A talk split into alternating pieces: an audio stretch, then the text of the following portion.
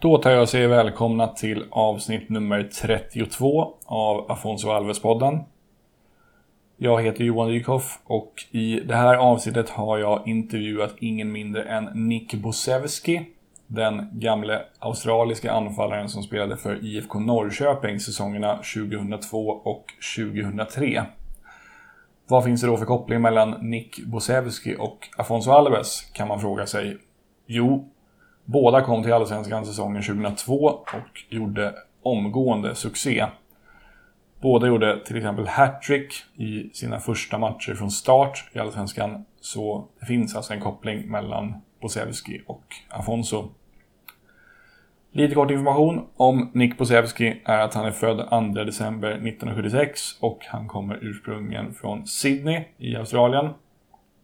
Under sina yngre år som fotbollsspelare spelade han för Marconi Stallions och även Australiens U17-landslag. Han var med i truppen i U17-VM 1993 och gjorde då ett mål för sitt Australien som dock åkte ut i kvartsfinalen mot de blivande silvermedaljörerna Ghana.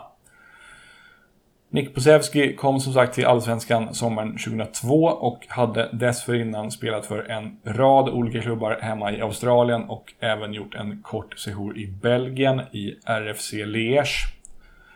Han provtränade sig till ett kontrakt med IFK Norrköping sommaren 2002 och det var ett Norrköping som kämpade för att hålla sig kvar i Allsvenskan. I sin första allsvenska match från start, hemma mot Elfsborg, gjorde Bosevski tre mål och Norrköping vann den matchen med 3-1. Bosevski gjorde, gjorde tillsammans med finnen Antti Suomiala stor succé i anfallet för Norrköping under hösten 2002, men trots det blev det nedflyttning till Superettan. Bosevskis fem mål och två assists på åtta allsvenska matcher räckte alltså inte för att rädda kvar IFK Norrköping och efter en mindre lyckad säsong i Superettan 2003 bröts kontraktet mellan Bosevski och Norrköping. Efter tiden i Sverige spelade Bosevski ett kort tag i Malaysia för att därefter flytta hem till Australien igen. Och när det visade sig vara alltför svårt att få ett professionellt kontrakt hemma i Australien valde Bosevski att lägga skorna på hyllan och istället bli tränare och fotbollsentreprenör. Han driver idag en fotbollsakademi hemma i Australien samt en form av sexmanna fotbollsturnering. I den här intervjun ligger förstås mycket fokus på Nick Bosevskis tid i Sverige och när han, likt Afonso, tog allsvenskan med storm. Vi pratar också en del om de problem som Nick ser inom fotbollen i Australien och att man där inte på ett tillräckligt bra sätt utnyttjar före detta proffsspelares kunskap och erfarenheter. En sak ska sägas innan intervjun drar igång och det är att på grund av en liten kommunikationsmiss så tog inte Nick ut någon sedvanlig topp 7-lista som brukar vara en grej som alla gäster gör. Så det löser vi på så sätt att jag istället efter själva intervjun har tagit ut en sån lista. Nu kör vi igång.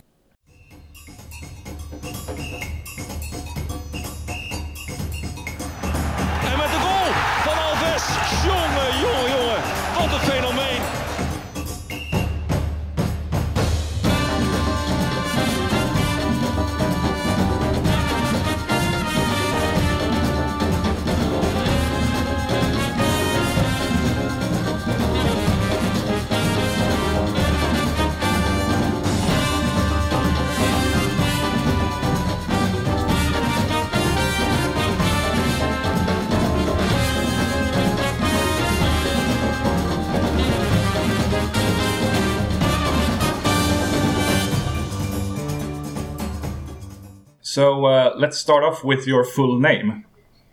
Yeah, it's Nick Bosevski. Mm-hmm. Uh, Basevki, that's like Macedonian, right? Yeah, yeah. My heritage is Australian. I'm, I'm born in Australia, but my Mhm. mother and father are Macedonian. They migrated to Australia uh, many years ago. Okay. Have you ever been to Macedonia? I have, yes, I have. Mm-hmm. Do you speak any Macedonian? I can't speak it. It was our mother and father taught me that That was my first language actually, and then it was English as well because I was born here. But mum and dad, when they migrated here, they would speak that at home, so I could speak both languages. Yeah. Okay, cool. Uh, your age? Forty-one. Forty-one. Uh, your hometown and current city of residence, respectively. Yeah, I live in uh, Bondi, Mm. North Bondi, in Sydney, Australia. And that is your hometown as well, or the, Yeah. ci- the city of your city of birth. Yeah. Yeah. Which is, in your opinion, your best football achievement? Uh, probably playing. I played for the Australian under seventeen national team, and probably coming to Sweden was a was a big achievement for me too. Mm. And uh, the exact opposite. Is there anything, any football-related moment that you'd like to erase from your memory? No, I think football gave me a great career, and you know, you travel, you get to meet different people, and so you know, obviously, sometimes you think, yeah, you know, you can change things, but when you look back at it, I'm happy with how everything turned out. Like, I, th- I think it, you know, everyone's career. My mum was quite, it wasn't the best, but it wasn't also that bad, and I, I'm happy with it. Mm. Um, your favorite team or teams? Uh, when I was growing up, I was an AC, big AC Milan fan, and now I like. I'm a big fan of uh, Barcelona, and I also a big fan of uh, Liverpool. Mm. That was a childhood, another childhood club that I grew up watching. Were you able to uh, like watch a lot of games on TV when you were a kid in Australia? Yeah, yeah. In Australia, we had uh, obviously the English Premier League. They used to show a lot, Mm. but back then, in my age group, because I'm 41 now, in the 80s, it was really the, the strongest league back then was the Italian league. So I was a big fan of. That's why I started loving AC Milan. You know, I was a big fan of that that era and that team. I see. Um, your favorite player or players of all time? Um, though he'll go back to there. be Marco van Basten was an idol of mine, so he was one that I really loved watching. You know, and it was a it was a shame that his career got cut short. But now in the new generation, you know, I really enjoy. I think Messi's unbelievable. Ronaldo, um, yeah. And when I was growing up, it was probably Van Basten was my the biggest one. Is there any skill in particular that you admire in other players? Ah, there's a football. There's everyone's different, you know. But Mhm. watching Messi now, I think he's taken football to another level. Like he's just a, a genius. You watch him now, and yeah, you know, scoring goals, creating goals. It's it's people think it's a easy an easy game, but you know, when there's a lot of pressure, especially this day and age, and I think you know the players do remarkably well. Mm. Um, is there anything about football that you have uh, that you don't like or that you have grown tired of? Uh, sometimes you get the, the political side of football. Sometimes you get that, you know, and I think it's still maybe around, you know, in, in most, you know, in most countries and football. That that's that's the one that I don't really like. But um, other than that, you know, it's a beautiful game. It's, we still enjoy it so much, and I still love watching it. Love it. Love playing it. Yeah. Um, which is your favorite sport besides football? Oh, I don't mind tennis. Mm. Both playing and watching. more playing. I play sometimes with my friends, but I'll, I watch it in the major major titles, the major opens. I watch them, you know, coming into the semi-finals, finals. I watch the games. I think they're they're quite interesting. It's an interesting game. I'm trying to think about Australian tennis players. Is it Pat Rafter? He he was he's Australian, right? Yeah, yeah, you you're quite good. Pat Rafter, there was there was Pat Cash, Pat Cash. Are the two biggest ones that, that we've had. There's Lleyton Hewitt recently, and I suppose your biggest one is Stefan Edberg, yeah. Uh, I would say Björn Borg is is is the main one. Uh, Stefan Yeah, Edberg, yeah. Stefan Edberg is prob- probably a close second, and also uh, Ma- Yeah, yeah, Mats, that's right. Mats Wilander as well. Villander, yeah, Yeah. I remember him. Well, Bjorn Borg was before my time, that's why I forgot him. But the Yeah. other two, I remember because Uh-huh. they're closer to my age group. And in more recent years, we had, I think, uh, oh, what was his name? Magnus Norman. He, I think he was the world, and also Thomas Johansson. He, I think he was the world number one for a short while. Yeah, I remember them too, yeah. Yeah. Uh, let's see, favorite country or city that you visited? Sorry, the my favorite. Yeah. Oh, gee, I'm, I'm traveling a lot more now, so Mhm. I'm, I'm really enjoying it. But I just recently came back from Bali, which was I didn't think it was going to be that good, but it, it was quite amazing. But Barcelona's I love as well. Been to Barcelona a few times, so uh, they're all different. Croatia's good. Uh, uh, I was in Belgrade, Serbia last year. That that was interesting as well. So predominantly, I like places. That one, that one was a city, but uh, the Greek islands were good as well. Mm. So predominantly, I like. I I live on the beach, so anything to do with water and its warm climate is my kind of uh, my kind of vacation and, and a place that I like to see. hmm Barcelona is up there for me as well. I was there. Uh, I I was there my, my first time last year, and I, I really, really liked it. It was an amazing city. Yeah, it's got a it's got a great vibe about it. Not not obviously the football's great, but um, but also the city. It's very similar to. It's got some resemblance to what we have here in, in you know in Sydney because Mhm. it's got the beaches. It's got you know the nightlife there too. It's it's really it's a very vibrant city. I loved it, and I've gone there a few times. So I, I, that's how much we've enjoyed it. Cool. Um, and uh, let's see, favorite band or musician? Favorite band. Well, I have to say I have to keep my country going. It's INXS. I don't know too much about them. What what what's, what, what kind of music is that? Uh, they're in the pop. They're pop. So INXS, they're, they're quite big. They're a big Australian band. Okay, cool. Back in back in the day, the guy, but they're not around anymore. The guy committed suicide. The lead singer, Michael Hutchence. Uh, So that's why they're not around. Maybe that's why you don't know. of could be, them. yeah. It's it's I N X S X S. I, I I recognize the name of the singer, but uh, I didn't know about the band name actually.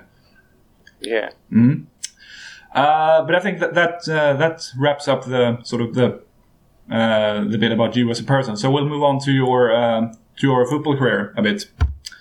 Uh, uh, let's go back about 16 years in time to the summer of 2002. Uh, can you tell us a bit how you ended up in Sweden and at Norrköping? Yeah, it was a yeah, it was quite a story actually because I was I was playing at the time, so I played in the first division here in uh, Australia, Mhm. and then I played a bit in Belgium. I came back, and then I was playing. It was an off season, so I was in Australia, and I was I had a really good job back then because I was working as a personal trainer, and I was playing football. And football here is not so big. It's uh, back then it was still growing. It's growing a bit more now. It's a bit better, but back then it was you know it was all part time. So um, I had a good job and I was playing football. But one of the an agent that watched me at one of my clubs at Sydney United, he rang me up and said, "Listen, there's a opportunity that I know in uh, uh, Norrköping. They're looking for a for a striker. Would you be interested?" And I said, "No, not really. Like I was, I think I was 24 at the time, and you know, I thought, nah, now now it's just time. I'm doing quite well here. I was quite comfortable, and but always my biggest dream was my biggest dream was to be a professional footballer and to play in Europe, you know, and especially at the high level. So, um, he asked me, yeah, would I be interested? Originally, I said no, but then I gave it a bit bit of thought over a day or two, and he said, look, they had a cut-off period as you do in Sweden, and I Mhm. remember the day was it was closer to the weekend, and I had to play, and it was semi-finals in my league here, and I said, look, it, they, they had to give me an answer by that Thursday because your your cut-off period. I remember the day; it was a Thursday, and they had to cut off that period for. And they said, look, it's uh, once in a lifetime. Why don't you go try? And I, and I couldn't resist that. I said, look. And the lady that I work with, she gave me a lot of clients in the personal training business. So I was looking after all her clientele. So it wasn't, it was a difficult decision because I was pretty much looking after her business and she gave me all these good clients and I was, you know, doing quite well. So I had to ring and say, look, I've got to go try this. It was a bit of a, it was a big risk for me, you know. Um, but I did take that opportunity. And I remember that Sunday we played our semi final. I had to leave my club, which weren't too happy to, but I had to follow, you know, a childhood dream of mine to play in Europe. And I remember I scored uh, two goals that game, Mhm. and I think we won 4 2, and it was a semi final. And and I had to fly from S- Sydney on the Sunday. So Monday, I think I flew straight away. Then I had to go there. I got to Stock uh, to Gothenburg for another trial, and uh, I pretty much that that that flight was thirty. I think it was a it was maybe thirty five hours for me to get, and I only had two or three hours, and then I had to play again. So it was quite a big. It was a it was a lot on your body, you know. And I, I arrived there, and uh, yeah, so I had the trial, and you know, you know, I had my back against the wall because it was only two two days that I had to prove myself. Mhm. And when I arrived, I don't know if you know this, but then they arrived, there was a footballer that came from. Um, he was another Australian, believe it or not. That there was there was between me and him, and he was coming from. Um, he was playing in Partizan Belgrade, and then he was in Braga in Portugal. So Mhm. he had a short flight to come and have a look at us two players, and I think I just because I risked everything, I just had to go on my adrenaline, and you know, I, remember playing, and he scored two goals, I scored two goals. I came off after about 70 minutes. Next game I played, the next day, I scored a hat trick, and then you know I was doing quite well, and then I got signed by by the club, which was fantastic, and then I got signed to North Shore. Do you remember this other uh, player's name? Yeah, yeah, it was Michael Casija. So Michael Casija was quite ironic because he was uh, Australian as well. So I Mhm. didn't know I was on a trial. I didn't know who I was going to trial against or whatever. But you know, obviously, me coming from Australia, it's such a long time ago. As we spoke before, it's such a long way away. It does take a lot on your body, you know, your time difference, everything. But yeah, for the first week, it didn't, or even for the first couple of months, it was you know, it was it was a dream of mine to you know to play and to play at that level. So I was really excited. Yeah, that's quite a story. yeah. Uh, how, did you know anything about Sweden and Swedish football before coming over here? Do you know what? I don't know if you know this, but my one of my best friends, he's still my best friend now, is Ante Covic. Oh, really? Yeah, Ante Covic is my best friend here in Australia, and I knew Ante Covic was playing in Sweden at the time. So it was in he was in Hammarby at the time. So the only, the only thing I knew about Swedish football was my friend was playing there. You know what? and there was I, another. I actually interviewed him for this podcast. Oh, did you? Yeah, last year. There you go. Yeah. I'll talk to him. I'm, gonna. He's coming to my place. I was gonna see him. I'm down the south coast at the moment. Uh-huh. I'm gonna be. I'm gonna be back home in Bondi tomorrow, but on Wednesday he's coming over. I Oh. see him all the time. He's, Oh. he's still a very close friend of mine. We're still super tight. So, So, yeah, Send, send him my best I'm wishes. I will. I'm, I'm gonna tell him now. I got your your name as well, so I'll Mhm. let him know that that you interviewed me. cool. Um, so everything you know about you knew about Sweden, you had learned from Ante Covic then. Mm, yeah, I knew, Yeah. I knew Lugante was uh, playing there at the time, so I knew just a little bit about it. I didn't know too much, you know. And then, you know, I arrived and it was it was also good because I had him, but there was also another Australian at the time that was there, and his name was Luke Casserly. Was playing at A Core. Ah, right. I don't know if you remember him, but there was yeah, there was two Australians Yeah. back then when I was when I was uh, when I was there. He played outside back, right? Yeah, he was a defender, he Yeah. played as a right back. He he, uh, he used to play more of as a defender. Yeah, sometimes Mm-hmm. as a midfielder, but yeah, he could have played as a right back. I don't know how they used him in in AECO, but yeah. Yeah. Uh, and as you said, you really hit you really hit the ground running when it came to Norrköping. Uh, why do you think uh, things went so well right away when you when you came here? Uh, look, as I said, like, uh, see, and, and I took a huge risk because I was, most people maybe wouldn't take that. Like, I, I was really earning good money here doing personal training and playing football. And here, because it's part time, it's still quite good money. You know, there was just, I wanted to get into, I, I, I pretty much, I think I was 23, 24 at the time. And it was still a, a, a dream of mine just to, just to play, you know, so, and to make it there. So, it's a good story for kids, you know, you know, and for just don't give up because yeah, it could be a, it was an easy an option, but I think I, I did so well because I was so hungry. I had for me to come home, then I had to start all over again, you know, no job, you know, Mhm. playing football, but but I had a good opportunity where I was working, so you know, I had to risk all that just to follow my dreams. So I think that gave me a bit more you know, you've got that hunger because I've just left everything. You know, I'm not going to go home until I make it, and you know, I just, you know, as I said, from those games, it just kept going because when I went there, it just went. I remember it was two goals, then I scored three goals, then they gave me my first start, which was against Elfsborg, Mhm. and then Ante. That's when Ante. I was on, you know, in the first 27 minutes, or it was I think it was under 30 minutes, I scored three goals, and the club was struggling at the time, and you know, so for me to score that, you know, hat trick that quick.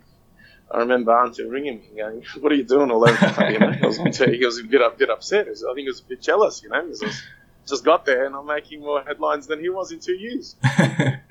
and and also Hammarby were doing really poorly that season. They were almost That's relegated. So That's right. We actually had a playoff, and then and then they beat us. And he was a little bit concerned actually, we're, because we're still good. You know, we're, we're still good friends to this day. Mhm. But I remember, you know, we were doing. They were very close to us at that time, you know. So, yeah. But uh, unfortunately for us, we got relegated, and they, Mhm. they stayed in the league. So if that, what that, that, for us, it didn't work out. But for you know him and his club, it did.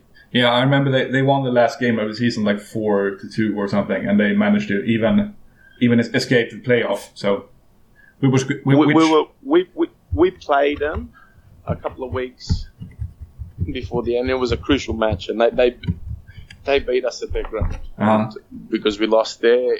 That could have made a difference because we're very we're very close, and you know we're doing quite well at that. Um, yeah, we're coming back up. I think we we we won a couple of games after that when I got there, and we're doing all right. And then yeah, they, they sort of just got us a bit. But yeah, unfortunately for us, it wasn't good. But for them, that they stayed, so it was good for them. Yeah. Um, another player who performed really well in Allsvenskan the same year as you, and who also scored three goals in his first game as a starter, was um, the player who this podcast is named after, Afonso Alves. Does anything come to mind when you hear that name? Yeah, I remember. I remember playing. You know, I remember reading and and um, you know when I got to Sweden, obviously then I knew a bit more about the game then. But yeah, I remember he was a Brazilian player, and I Mhm. think he had a career. Didn't he go to Middles, Middlesbrough after Exactly. Sweden? Yeah. Yeah, actually, Yeah, so I remember, fir- first and, I- and I still kept a still kept a bit of track of him because it's always interesting, even though you, you know, football. And, and I remember that he went to Middlesbrough, and I thought, you know, it's good for the Swedish game, good for, you know. And I remember playing him, and I knew he was a good footballer, he was a good striker. So, and I think they beat us at our ground then as well. Mhm. Um, we, we played we played Örgryte there, and they beat us. But yeah, I knew a little bit about him, not too much, but I, I remember obviously when I got there, you know, this was a he was quite a dangerous player. He was a good striker. He was doing well. But um, where did he come from? He was Brazilian, but did he play? Where did he, where did, did he come straight to Sweden from Brazil or? Yeah, he did. Uh, he was on loan at first, and that, but he did so well that Örgryte signed him. And then he went on to Malmö, and then to the Dutch league, where he really his career really took off because he scored 34 goals in 31 games his first season. And then uh, which club did he go to? So, he- or was that after the? He went from Sweden to Holland. Yeah, exactly. Holland, that's when he went to Middlesbrough. yeah, Because I remember Middlesbrough. Obviously, I got a closer, especially if I'm not in the, you know, and I you still follow the players. I remember Al, you know, Alfonso Al, like I remember him, and I go, he was the same player, and he's doing well. So it's always good to hear, and you know, players that you've played against and been in the same league for him to prosper. It's great, great news, you know. Yeah, and he also during his time in Holland, he uh, in one game he scored, he scored seven goals, which is uh, which is still today a record. And the, actually, the player who had the record before him was Marco van Basten. He had scored six, and then Afonso scored seven, and they won Which, nine. which club did he play? Which club was it that he played with there? Heerenveen, which is yeah. yeah, which is they've signed a lot of players from the Scandinavian leagues over the years, but he was he's probably the most. And fit- why is that? Why is that? They think they can they I- get him at a Yeah, probably they, they can get them pretty cheap, and also I think they mostly they sign Scandinavian players. I think they just fit the system pretty well. Uh, yeah. they're they're a good complement to the Dutch players. I, I think that's that's why. Yeah. Uh, and uh, just like Afonso Alves, you came, as you said, from a country far away and had to settle in Sweden. What do you remember as some of the more difficult aspects of adapting to life in Sweden and Norrköping? That, uh, there's only one thing: your climate. Uh-huh. That's the only thing I struggle with because, to be honest, it's not a. You know, if you come to Australia, you'll see. You know, you're welcome here anytime. I'd love to show you around, but you you you will see. It's not much. You know, lifestyle's not that. You know, there's not much difference. It's a clean country. You know, Mm. it's easy. People can speak as a foreigner too, because a lot of people are try to speak Swedish, but everyone wants to speak English to you. So, and everyone can speak English. So it's not that difficult. You know. Um, the thing that you do struggle with was the the, cli- the climate was hard for me because I'm, I, and I still to this day I just love you know I love beaches sun I'm, I'm very different you know I'm not used to cold no. No, there, are, there aren't a ton of great beaches in Norrköping. I know that. yeah and, and and that's where I struggled and, and to be fair I remember coming back and like, Aunt me and Auntie Poppy were at Bondi and like oh yeah this is like, like you know we love it you know that's our home you know but but it wasn't that difficult to be honest the Ah. only thing was it was which I found strange I can give you a good story this one's uh, probably a good one and a funny one but Mhm. the pre-season you we did we went to Salem is it Salem Uh, for the snow where the, the ski fields are Salem yeah, oh, it's Sälen. Yeah, right. Salem okay so we went there and I was an Australian player I'm not like Swedish or thing and everyone's skiing I've never seen snow so Uh-huh. I don't know how to ski you know So our pre-season, which I found a weird, because I thought people get injured and you know not shouldn't ski, but all of the players, obviously, most of them were Swedish. Mhm. I remember we had a David Banashek was Polish, so I don't know, but he's that's a cold country too. So I was like the only one that you know wasn't used to snow. I haven't seen it, you know. But we did, uh, and they went did their you know skiing and. And I'm like, what am I going to do here? And they gave me like, and I went on the slopes with all the kids are, you know yeah. because I couldn't ski. So I was with the little babies, and and they were better than me. So I'm going, shit, this is not good. And I go, what do I do? And they showed me how to brake, and, and they put your, you know, cross your feet a little bit so you can brake.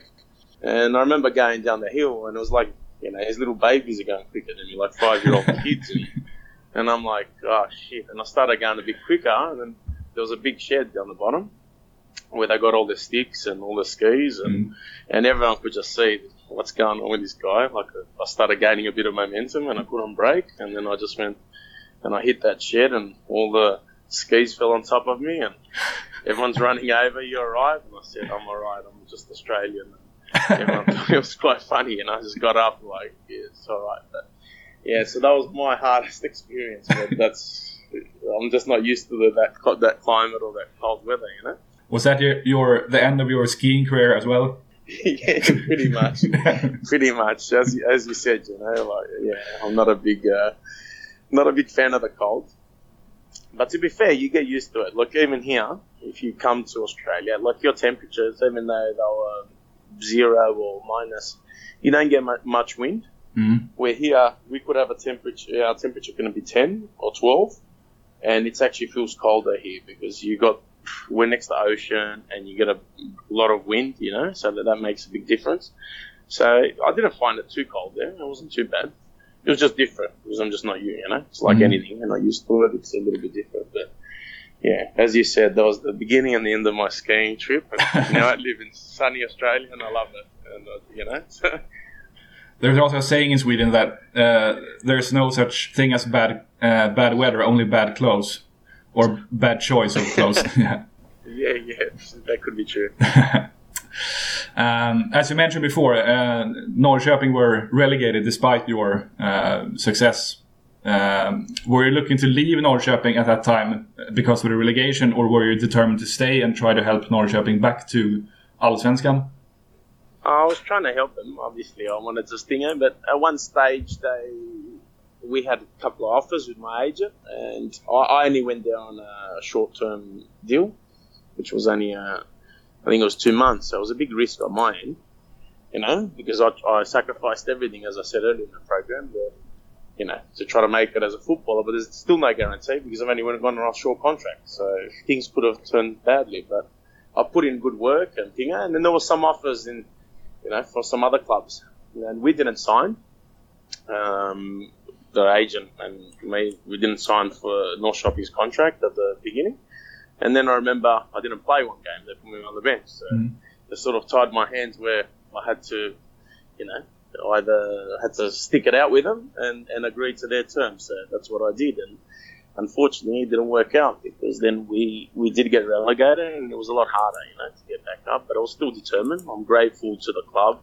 You know, it was a good club. There was good people there. And yeah, I'm very privileged and honoured and, and you know, to, to be part of that, you know, part of that team. And, you know, was, those memories I've still got and, and very fond memories to this day of that. So, yeah, unfortunately, it would have been nice to stay up and, you know, maybe things could have, you know, there was opportunities for me to move and thing, but, you know, I'm, uh, you know, I'm, I don't have any regrets there. So that's the way, sometimes that's the way football is. It can be cruel and it can be, but you got to take the good with the bad. And as I said, you know, I look back at it now and even talking to you, I have very fond memories of that club, the people. You know, I, I you know, I love my time there. It was Yeah. great. Uh, and then you parted ways with Norrköping after the 2003 season, right after the year in the second division. Yeah. Yeah, right. Uh, have you have you been back to Sweden after leaving Norrköping? I haven't been back. I haven't been back to Sweden. Okay. I've been um, uh, as I, I might be going. I'm planning to go to Europe this year. You know, Sweden's uh, as I said, uh, it's not my on my hit with your, your climate, but but I'll see if I can get around there. Look, one day I'd love to go. You know, I'd love to go back there. Are you still in contact with anyone from your time in Sweden? Uh, not really. We Okay. have. Uh, I've got some friends that are. You know, there's a. Uh, Patrick Johnson. I've got friends still on Facebook, and we still, you know, we still see each other on that. You know, Mm. Um, who else from? Yeah, no, just the closest ones were the ones. My close friend, you know, Ante, he was in a different club, but obviously Yeah. we're good friends.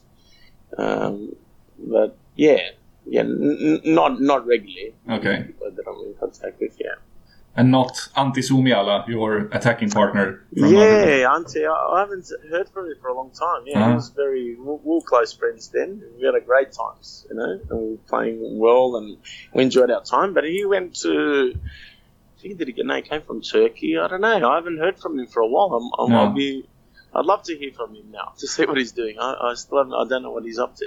I know he, interesting. yeah, he, I I know he bounced around a bit after his spell in Norrköping. I think he was in the in the United States and he was in Switzerland and uh, Oh, and Finland as well.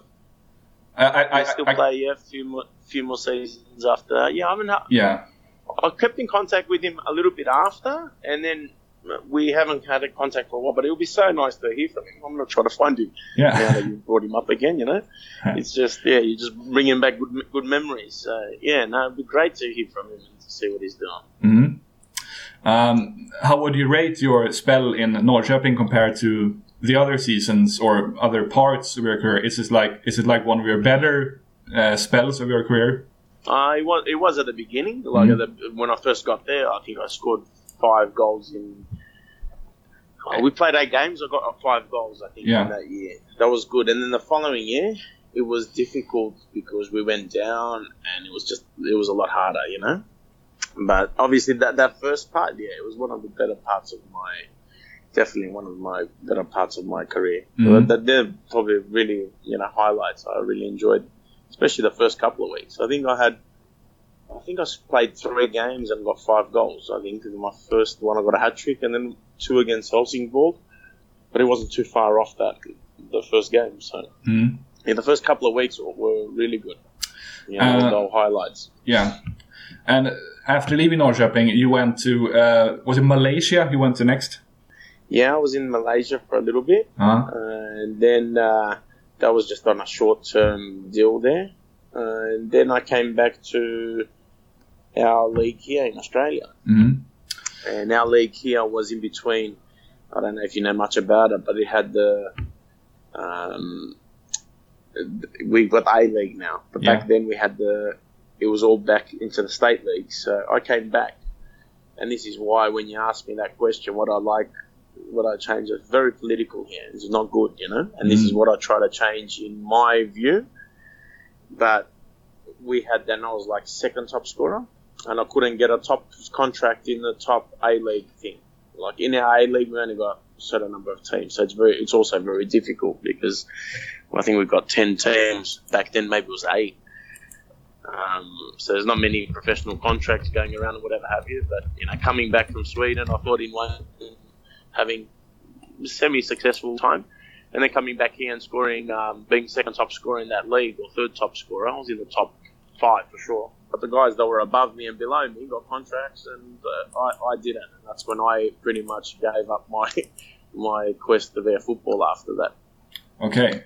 And uh, w- when was this? Which year was that? That would have been uh, that was a couple of years after Sweden, so probably twenty, maybe 20, 2003, five. I think two thousand, yeah, two thousand and five, because I started. That's when I started my company, Okay. which is which is where I, I am right now. So, Right. but yeah, So, uh, can you tell us a little bit what, what you've been doing uh, after your retirement from professional football? Yeah, it's quite quite interesting. Also, so I 2005, I wasn't sure what I was going to do. So I was really good at two things, which were football. I was wasn't bad at playing football, and I was good with mm-hmm. children. You know, so I just started coaching. And back here, I saw a big problem. Like it was just more for fun. You know, I had you know I was coaching some kids, and I was saw that I was quite good at it. You know, but I I knew that from you know my father was the same. We're just good with children and you know, obviously we know football because I played it. So I got into like coaching a little bit, and then all of a sudden I saw a big hole in this market that we've got here in Australia because it's not really run that well. Um, the way our structure is, so I don't know how it is in Sweden from the bottom from the bottom to go up, but ours is very poor, and it's actually getting worse. At this, Mhm. you know, as we are now, and this is why we've got big problems in our youth system, and uh, you know that's a whole different other story. But yeah, what happened then is I got into coaching, and then you know I opened up a football academy, and that's been going around since 2005. So I've been coaching, and then I've been doing. Um, I run these. I don't know if you got them in Sweden, but do, you- do you have six-a-side football? Uh, we have five aside and seven aside, but not six, I don't think. Mm, okay, well, I, I run six-a-side football competitions here in Sydney. Mhm. So we've got various centres. Uh, I got into that in 2010 was the first time that we did it. So, so I run them in various centres, and I also run a football academy. And when I spoke to you earlier by Barcelona, is I've funded a lot of my kids. So through my academy, in Australian dollars, I've almost raised more than just under two hundred thousand dollars Mhm. to send kids to Inter Milan, to Juventus, to Barcelona twice, free of charge. So I've um, tried to contribute a lot to the game here. You know, in giving these kids opportunity and just to see how things are. Because I've been as a player, I can see the big difference in Europe and in Australia. And unfortunately here, you know, I don't know how it is in Sweden, but here it's very, it's not run well. It's not run well at all. Where you know you look at the model of Barcelona, for instance, Barcelona, Guardiola, uh, Luke, uh, Luis Enrique, all ex players going through the system and educating their players, and it just becomes a, a cycle that it's unbreakable because you're just producing talent that people know that have been through it as a player, they've been taught it, and then they'll go in there as a coach, you know. And here, it's very they don't utilize a lot of their ex footballers. So, look, Ante Covic is another one. He's playing here, but they don't utilize him. You know, myself or there's don't even worry about me or him, but there's guys that have played even bigger leagues and whatever have you. And it's sad because our country, you know, we've got a good. We're similar to Swedish, where they fight a lot. They, they've got that good spirit, but just the way that the, the games run here is very poor. Huh. So, what are like some of the former great Australian players like Harry Kewell and uh, Harry Kewell is Harry Kewell came back to Australia, uh, played a little bit here in Melbourne Victory. He played with Ante. Ante played there. Ante. Covic played in Ante uh, Melbourne Victory, and he went to his coaching now in England. And he had a pretty he had a pretty it's Crawley Town, I think the club Mhm. the club is, and he started off very poor, like he didn't do well. But he's recently done really well. So, and now there's talk of him going to a to a bigger club. So, he's actually had quite a bit of success in in coaching now. So he's gone into coaching. Um, what was the other? Did you want to ask me about Uh, player? I, I like Mark Viduka, um, Lucas Neill. Mark Viduka. Those, is, those uh, type of people. which other player? Ma- Mark Viduka, I can tell you, Mark Viduka, yeah, not, he, he's one that I've got so much respect for. Mhm. Like, I met him, I played with a guy called Jacob Burns. So when I was playing in, in Belgium, I was playing in the second division in Belgium when I was a little bit younger, before my time in in Sweden, and he was playing in the Champions League. Leeds were a very good team back then, and Mark Viduka was he was a year older than me, but we knew of each other because when you're in that level, you know, you're at decent levels, and you know, we knew of each other. But I didn't think he'll know me that well. But Harry Kewell knew me as well, but he said that he didn't. But Hmm. but um, when we when I watched my friend Jacob play, we went to Elland Road, and it was Chelsea versus um, Leeds, and I went to go watch the game with his wife. And Mark Viduka, I met Mark Viduka there, like, and I knew him as a Chinese. He was like unbelievable. Like the, he wouldn't leave my side. He took me to his home, he would take me out every day. He was, he was a true gentleman, one of the greatest people you'll ever meet, you know. Hmm. But he's, he, he after football, he's just retired in Croatia, and he stayed away from the, you know, the politics in football, and you know, he, he's just living a quiet life and no one even knows what he does anymore. You know what I mean? He doesn't really. He just very quiet. He's in Croatia, I think, and yeah. Because I asked my friend about him the other day, actually, ironically. Uh-huh. Because yeah, he's a, he's a special guy. Very very nice guy, and yeah, he hasn't done too much uh, in in terms of football um, after he retired. You know, that was uh, he hasn't done too much after Okay. that. Okay, but you you would you would like to see him and his knowledge and experiences be used utilized for like improving Australian football. Oh yeah, and this is the issue we have. Yeah. They don't they don't use. I think this, uh, you know, people in the in the in the we call them there's associations and federate like it's it's all geared towards other things, not not to the interest of the, the game. Where Mhm. footballers know, you know what I mean? It's they, they got too much knowledge. I, I think they try to push these guys away because you can expose what the problems are. You know what I mean? And they probably don't want to hear it, and Mm. they just want to look after their jobs and that's just my opinion, but you know, but we we obviously got because our junior when I was growing up, we were quite strong. It was good, you know, we, we had some good talent coming through. So that, that was our golden generation. Now, you know, we can't even beat, you know, if you look at our, I don't know if you follow too much, but even our under 20s or under 17s, we can't qualify anymore. Like we used to beat China, Japan quite easily. Now these got these countries are overtaking us. Hmm. And you know, they, they, but they're they're investing heavily in their youth, and this is what I've been trying to, what I've been trying to change in this country for a very long time. You know, so it's it's a it's a difficult job here. It's a difficult job. It's it's good. I love what I do, but it's a difficult job because you know you want to see it progress to that level where it's going to go all the way to the top. But, you know, they've built the A League from the top, but they don't they haven't done anything to to build the the football from the bottom. And you know, as you know, you know the the, the generations and the future is all in the young kids. You know, Mhm. you got to put your time and effort into that. You know, otherwise it's not going to work. If you're putting it from the top down. Yeah. What do you feel are like your your greatest rewards from your job? Uh, for sure, it's uh, traveling.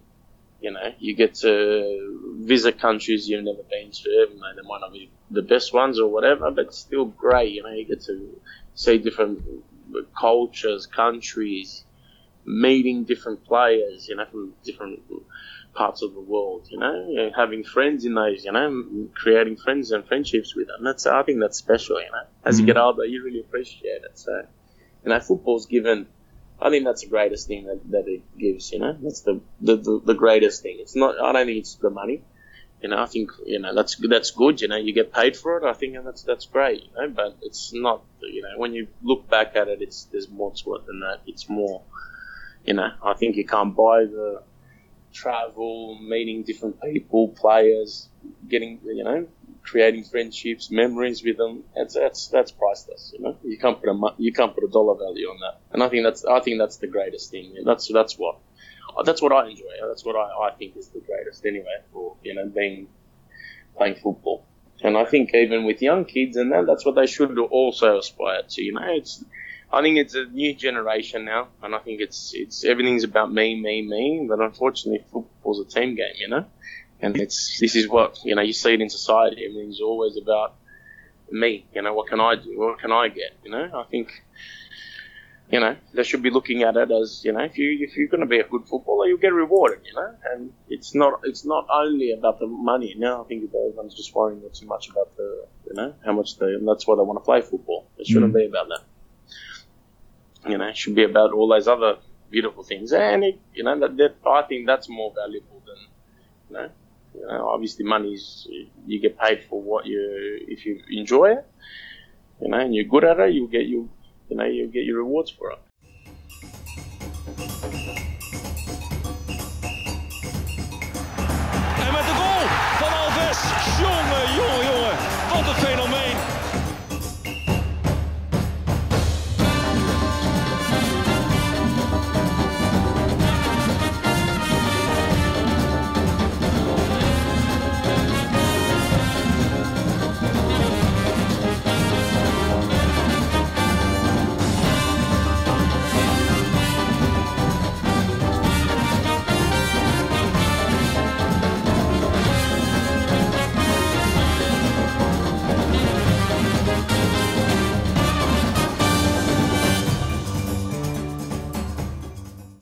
Sådär ja, då tar vi och tackar Nick Bosevski för att han tog sig tid att ställa upp på den här intervjun. Och vi önskar honom såklart all lycka och medgång framöver. Det var faktiskt riktigt jäkla kul att få snacka med Nick. Eh, det är en sån där spelare som på något sätt har fastnat i skallen hos mig ända sedan han spelade i Allsvenskan där 2002. Och sen när jag insåg att Fan, han var ju faktiskt... Han kom ju faktiskt till Sverige samtidigt som Afonso och då kände jag att honom måste jag bara intervjua. Och så gick det att lösa, så det känns riktigt, riktigt kul. Eh, som jag nämnde innan själva intervjun så var det lite missförstånd mellan mig och Nick, så han tog inte ut någon topp 7-lista. Men det löser vi på så sätt att jag, som sagt, har gjort det istället, det här avsnittet. Och jag Eh, velade lite fram och tillbaka vilket ämne jag skulle välja. Jag tänkte, ska jag ta någonting på temat Australien eller ska jag ta någonting på temat brassar i allsvenskan eller sådär. Men jag landade i något helt annat och nu blir det verkligen eh, hopp från ett ämne till ett annat. Men jag valde ämnet brassar i MLS under min tid som MLS-entusiast. Jag har ju följt MLS sedan 2009 och har skrivit och poddat om det för svenska fans i en massa år. Eh, och nu har MLS dragit igång för säsongen 2018 och det kan väl inte ha undgått någon i och med Zlatans makalösa debutmatch. Eh, så jag tänkte jag tar och rankar mina sju favoritbrassar i MLS under mina år som MLS-entusiast som sagt. Eh, och grejen med just brassar i MLS är att de är inte så förskräckligt många. Eh, det är väldigt mycket syd och centralamerikaner i MLS, men däremot inte så jättemånga brassar. Så det var lite knivigt att hitta sju stycken som kändes värdiga en lista. Men jag har en lista klar och jag presenterar den här och nu. Eh, på sjunde plats har vi Giovanni. Och det är alltså den Giovanni som spelade för Barcelona i början på 2000-talet och därefter bland annat i Benfica, Manchester City och Hull. Och han spelade för San Jose Earthquakes, alltså där Micke Stare och Magnus Eriksson är idag. Under andra halvan av 2010, har jag för mig att det var. Och det blev en ganska stor grej när han värvades, för det var San Jose Earthquakes första designated player någonsin. Eh, han kom dock bara att stanna i ungefär ett halvår i San Jose, men det jag minns av honom för tiden i MLS var att han var ganska bra. Och han gjorde också ett väldigt snyggt mål mot Houston Dynamo, så han kommer med på den här listan. Sen på sjätte plats har vi en poddbekanting, eller rättare sagt en Afonso Alves-podden-bekanting, nämligen Pedro Ribeiro, som jag intervjuade i förra avsnittet. Eh, jättetrevlig kille, som dessutom har en koppling till Sverige i och med hans svenska flickvän. Och jag har alltid blivit imponerad av honom när jag sett honom i MLS. Han har spelat för Philadelphia Union och Orlando. Nu spelar han i Fresno i USL, men jag hoppas att han får chansen i MLS någon gång i framtiden igen och då får en lite mer ordinarie roll i laget. Han har mest fått vara inhoppare under sina säsonger i MLS, nämligen. Sen på femte plats har vi Michel, en vänsterback eller vänsterytter som kom till Dallas från grekiska Aris inför säsongen 2013. Han var särskilt bra säsongen därpå, alltså 2014, då han stod för 8 mål och 5 assists på 25 matcher. Och jag tycker särskilt att man ska söka upp hans frisparksmål mot San Jose den säsongen, för det var en riktig jävla rökare i krysset på ren svenska. Eh, fjärde plats har vi Juninho. Eh, och det är inte den förre Lyon-spelaren som ju faktiskt var i MLS en kort, kort sväng. Utan det här är en yngre förmåga som spelade i LA Galaxy på deras innermittfält mellan 2010 och 2016, vill jag minnas att det var. Och i fjol var han faktiskt tillbaka i MLS, men då på lån i Chicago Fire och där gick det inte så bra för honom. Eh, I LA Galaxy vann han däremot grundserien två gånger och ligan tre gånger och han gjorde sig inte minst känd för att ha ett sju helvetes skott från distans. Eh, Jorginho tillhör idag Tijuana i mexikanska ligan och det var också de som lånade ut honom till Chicago Fire förra året. Han är inte ordinarie i Tijuana och jag kan tänka mig att något MLS-lag kommer köpa loss honom rätt snart eller i alla fall låna in honom ytterligare någon vända. Tredje plats eh, har vi ytterligare risk för namnförvirring, nämligen Julio Cesar. Och det är då inte den brasilianska landslagsmålvakten som var på lån i Toronto FC. Utan det här är den gamla Real Madrid-mittbacken, eh, Julio Cesar. Ni vet han som var i Real Madrid runt millennieskiftet men som typ aldrig fick spela. Och som därefter avverkade sessioner i bland annat Austria Wien, Bolton, Olympiakos och Gaziantepspor. Och han var i Kansas säsongerna 2011 och 2012. Eh, då spelade han dock huvudsakligen som defensiv mittfältare, vill jag minnas. Och det var två säsonger då Kansas var väldigt bra och vann sin conference två år i rad. Och eh, en särskilt minnesvärd stund i Julio Caesars tid i Kansas var hans makalöst snygga sidvolleymål på hörna hemma mot Toronto FC. Så det kan man leta upp på YouTube tycker jag. Det är riktigt, riktigt snyggt. Och just Toronto FC blev faktiskt Julio Cesar tradad till inför säsongen 2013, men hans kontrakt bröts redan under försäsongen. Eh, och sen gick ju Kansas typiskt nog och vann MLS just den säsongen, 2013 och så. Det blev eh, guld för Julio Cesars gamla lagkompisar, men han fick ingen medalj för jag tror han åkte hem till Brasilien efter den där korta sessionen i Toronto. Sen på andra plats har vi en anfallare vid namn Maikon Santos och han har spelat för inte mindre än fem lag i MLS, nämligen Chivas USA, Toronto FC, FC Dallas, DC United och Chicago Fire. Och jag gillade Maikon framförallt under sin säsong i DC United, vilket var 2012. Då jag tycker att han visade upp en jäkla skön swagger. Han hade lite grann en attityd som eh, sa Jo, men jag är faktiskt ganska bra eh, och jag kan bidra med någonting här. Och han såg ut som en betydligt bättre spelare än under sina tidigare rätt beskedliga säsonger i MLS. Att han gjorde närmare 10 mål den säsongen i alla fall. Eh, en riktigt skön vänsterdoja hade han också. Och lite kul kuriosa med denne Maikon är att han innan sin tid i MLS faktiskt får en sväng i Libyen av alla celler. Det är inte många spelare som hamnar där. Eh, men som sagt, där gjorde han typ en säsong eller någonting. Och sen har vi första platsen då. Och då har vi ingen mindre än Camilo. Eh, ytterligare en anfallare. Den här Camilo han vann skytteligan säsongen 2013 i MLS med 22 mål på 32 matcher. Han spelade då för Vancouver Whitecaps. Och eh, Camilo har även ett förflutet på Malta, som är ett land som jag gillar väldigt mycket. Och det bidrar till att han hamnar så högt upp som första plats på listan. Även på, på Malta vann han skytteligan, ska sägas. Jag tror han gjorde 24 mål på 22 matcher där. Eh, han är en lite kontroversiell figur, för efter sin skytteligavinnarsäsong i MLS åkte Camilo ner till Mexiko och skrev på för Querétaro utan Whitecaps tillåtelse. Så det blev väldigt stormigt där ett antal veckor innan det hela löste sig genom att Querétaro köpte loss honom. Men den här soppan gjorde att han inte lämnade Vancouver med så fint eftermäle som hade varit fallet om den här transfern hade skötts by the book, så att säga. Eh, men hur som helst, en riktigt bra spelare. Teknisk, snabb, bra på att komma till avslut. Kanske inte den som stod upp i flest närkamper sådär, men samma sak kan man ju säga om väldigt många andra spelare. Och Vancouver har också haft väldigt svårt med just anfallsvärvningar. De har värvat många, många spelare eh, tänkta som deras stora målskyttar som inte alls har funkat.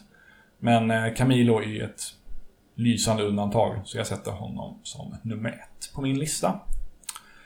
Så det var min topp 7-lista över brassar i MLS. Och innan vi avslutar det här avsnittet så ska vi följa upp förra avsnittets Afonso-trippel också. Och även lägga in ett nytt bett. Det blev dessvärre förlust nu senast och det på ett helt osannolikt sätt. Eh, jag hade ju förra avsnittet spelat på att Malmö FF skulle vinna och hålla nollan mot IFK Göteborg i Svenska Cupen att Middlesbrough skulle hemma besegra Barnsley i The Championship och att PSV skulle borta besegra Willem Tvei i Eredivisie. Malmö besegrade IFK Göteborg med 1-0 och Middlesbrough vann mot Barnsley med 3-1, så där gick det som jag hade trott. Men sen gick PSV och förlorade med hela 5-0 borta mot Willem Tvei. Vi snackar alltså PSV som är på väg att defilera hem guldet i Eredivisie och Willem Tvei som är ett dynggäng på undre halvan och Willem Tvei vann alltså med 5-0. Gud vet vad som hände i den matchen, men PSV kan inte ha haft någon bra dag alls där. Eh, hur som helst, vi tar nya tag och hoppas på bättre lycka denna gång. Eh, den här gången lägger jag mina 34 kronor på följande trippel. Eh, I matchen mellan Middlesbrough och Nottingham Forest tippar jag att inte båda lagen gör mål, alltså att max ett lag gör mål till oddset 1,69. Sen så kör vi en match i Eredivisie och där tippar jag att Feyenoord gör över 1,5 mål borta mot Twente till oddset 1,61. Och avslutningsvis spelar jag på rak hemmaseger för Malmö FF mot AIK till oddset 1,86. Totalt blir detta ett odds på 5,06 och multiplicerar man det med den ständiga insatsen 34 kronor blir den potentiella vinsten lite drygt 172 kronor. Den här borde fan i mig sitta, tycker jag, men det tycker man å andra sidan alltid, så vi får väl se hur det går. Det var nog allt för den här gången. Nu återstår bara två avsnitt innan vi är i mål med den här podden. Om saker och ting går som jag har tänkt. Hoppas att ni hänger med ända till mållinjen. Eh, ha det så bra så länge. Tja tja!